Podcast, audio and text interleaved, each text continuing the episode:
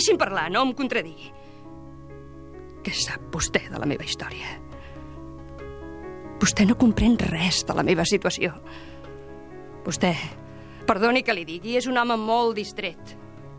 Vostè va de Cruells, que no ho va veure durant aquestes setmanes com flirtejaven ell i la doctora? Sí, ell i la doctora. Que poca idea té vostè de les dones. Pobre Cruells. La Carlana, la doctora tantes altres que no sabré mai. Vostè m'ha encolomat tot un sermó, Cruells. Ha trobat la manera de fer-me-la empassar fins al final. Ara... Ara em toca parlar a mi. I bé, amb mi vostè s'equivoca. Aquest... Aquestes porqueries que vostè m'ha insinuat pel que fan Solaràs. Sí, porqueries! Vostè, exactament com el Lluís, com tots. Per què... Per què l'odieu tots vosaltres? Per què? I bé, perquè és mil vegades millor que tots vosaltres. Que tots vosaltres junts, que tota aquesta brigada indecent, que tot...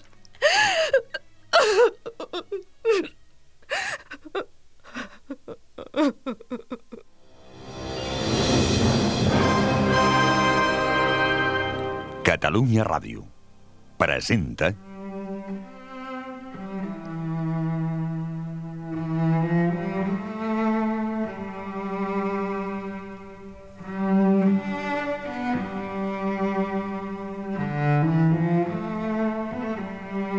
Incerta Glòria, de Joan Sales, en una adaptació lliure per la ràdio d'Oleguer Sarsenedes.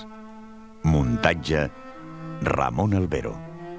Direcció Juan Germán Schroeder.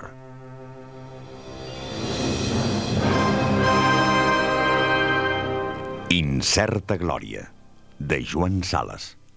Una producció de Catalunya Ràdio amb el suport del Departament de Cultura de la Generalitat de Catalunya. Extra, 15 artistes catalans al Palau Robert de Barcelona. Sergi Aguilar, Jordi Benito, Josep Manuel Broto, Tom Carr, Pep Duran Esteve, Gabriel, Francesc Llopis, Víctor Mira, Pere Noguera, Carles Pazos, Pere Jaume, Jaume Plensa, Riera i Aragó, Susanna Solano i Josep Uclés. Extra, 15 propostes artístiques d'intervenció en un espai. Palau Robert de Barcelona, del 22 d'abril al 24 de maig. Organitzat pel Departament de Cultura de la Generalitat de Catalunya amb el suport de Catalunya Ràdio. Catalunya. Endavant amb la cultura. Capítol 50. Febre.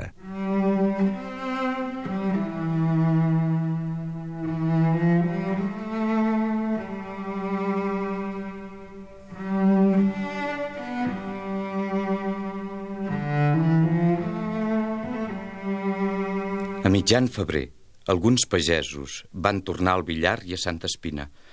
La calma del sector, que durava ja des de tantes setmanes i fins mesos, els havia encoratjats.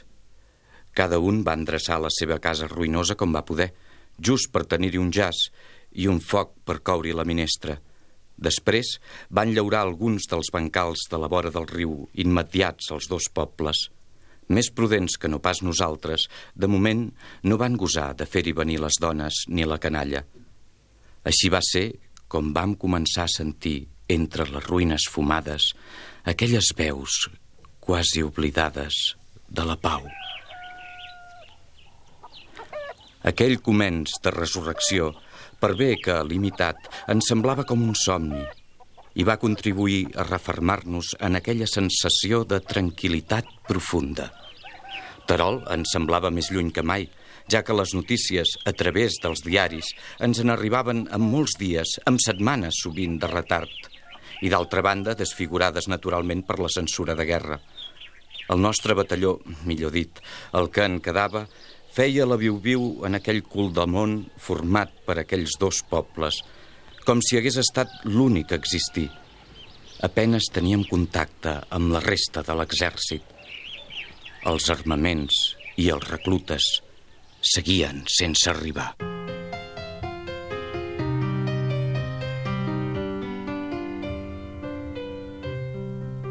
Havíem anat ajornant cada vegada la marxa de la Trini i la comandanta, sempre en el convenciment que les criatures estaven molt millor amb nosaltres que a Barcelona.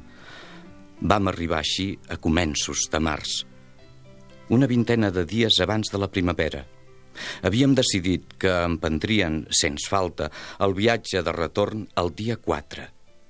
Havien passat amb nosaltres prop de tres mesos. Ara bé, aquell dia en Ramonet es va llevar amb febre. Res d'alarmant. El doctor Puig se'l va mirar. Una grip de les més vulgars, però s'ha d'estar llitat uns quants dies. No pot pas emprendre un viatge tan llarg i accidentat i amb un fred com aquest, amb 39 i mig de febre.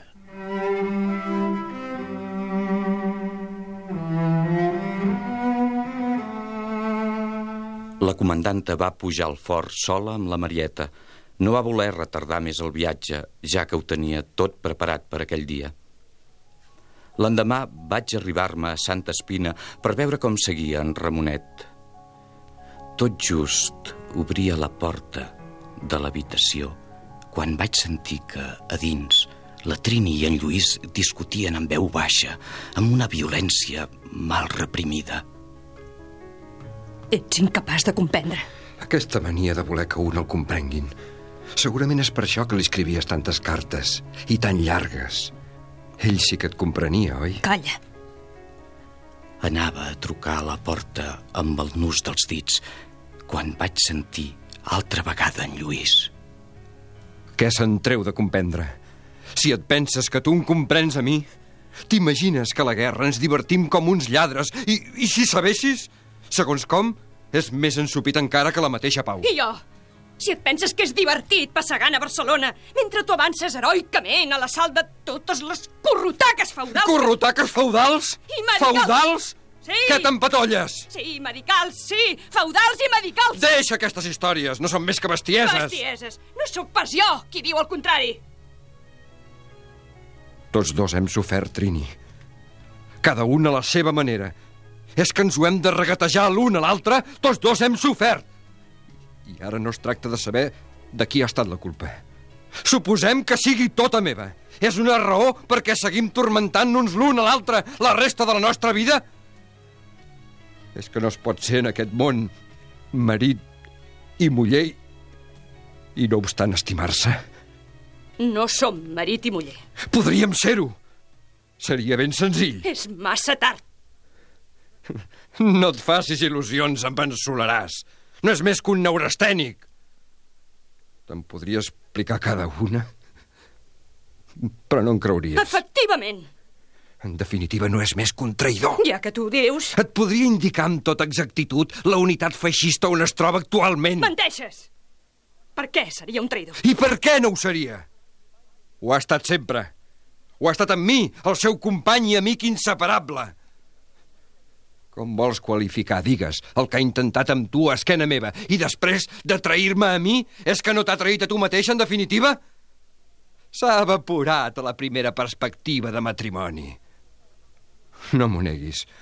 Com enamorat o pretendent o com vulguis dir-ho, en Solaràs resulta notable per més d'un concepte. Només li interessen els amors impossibles. Quan podrien deixar de ser-ho, desapareix sense deixar adreça. Si no el conegués de sempre i no em constés el contrari, una conducta tan incongruent m'arribaria a fer sospitar que és un... En fi, que li falta alguna cosa. Però el conec.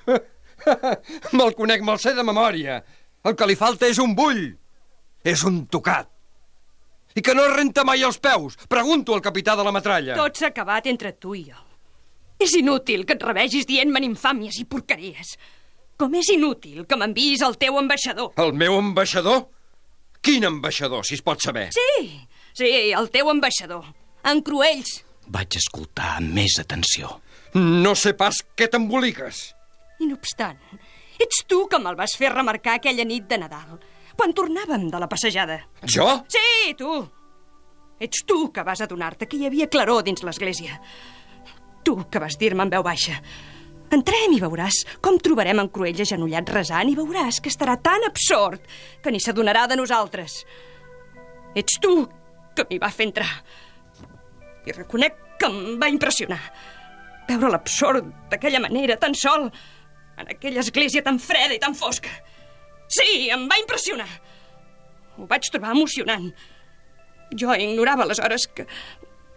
que tu i ell havíeu fabricat entre tots dos aquella combina per impressionar-me amb vistes enviar-me el dies després com a ambaixador. Perquè és ell que va venir del billar aquell dia. Quan el vaig veure, em van entrar ganes de parlar llargament amb ell. Però no sóc pas jo qui l'havia cridat. És ell que havia vingut. Tu te n'havies anat amb en Picó a la terra de ningú aquell dia. Ves quina casualitat!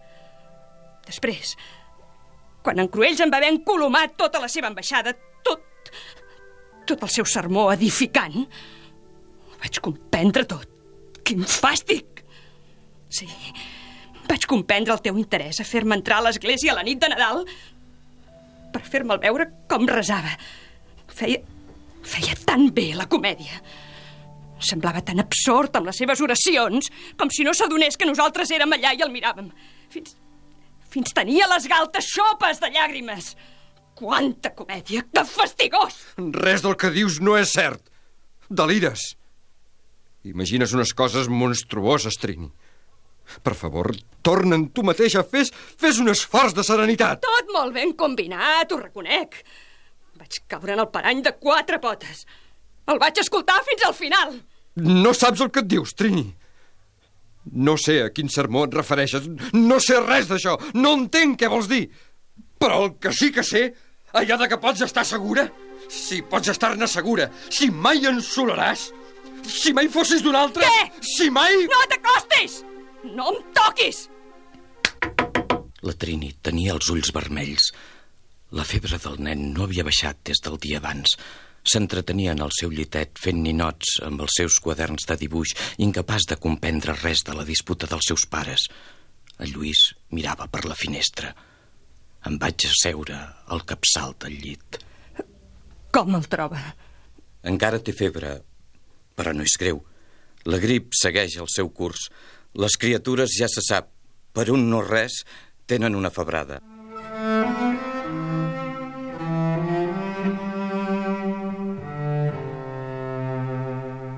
Em sentia vagament intranquil. Em semblava notar en l'aspecte del nen alguna cosa que no lligava amb la idea d'un grip vulgar.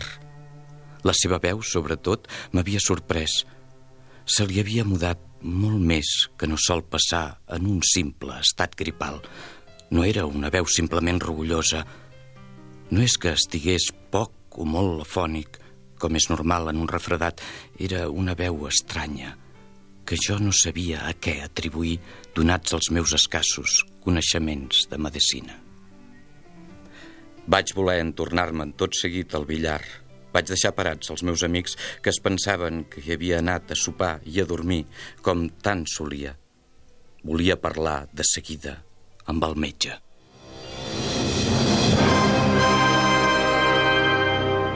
Heu escoltat el capítol 50 d'Incerta Glòria, de Joan Sales, amb les veus de... Cruells, Enric Major. Doctor Puig, Enric Casamitjana. Trini, Margarida Minguillón. Lluís, Gal Soler.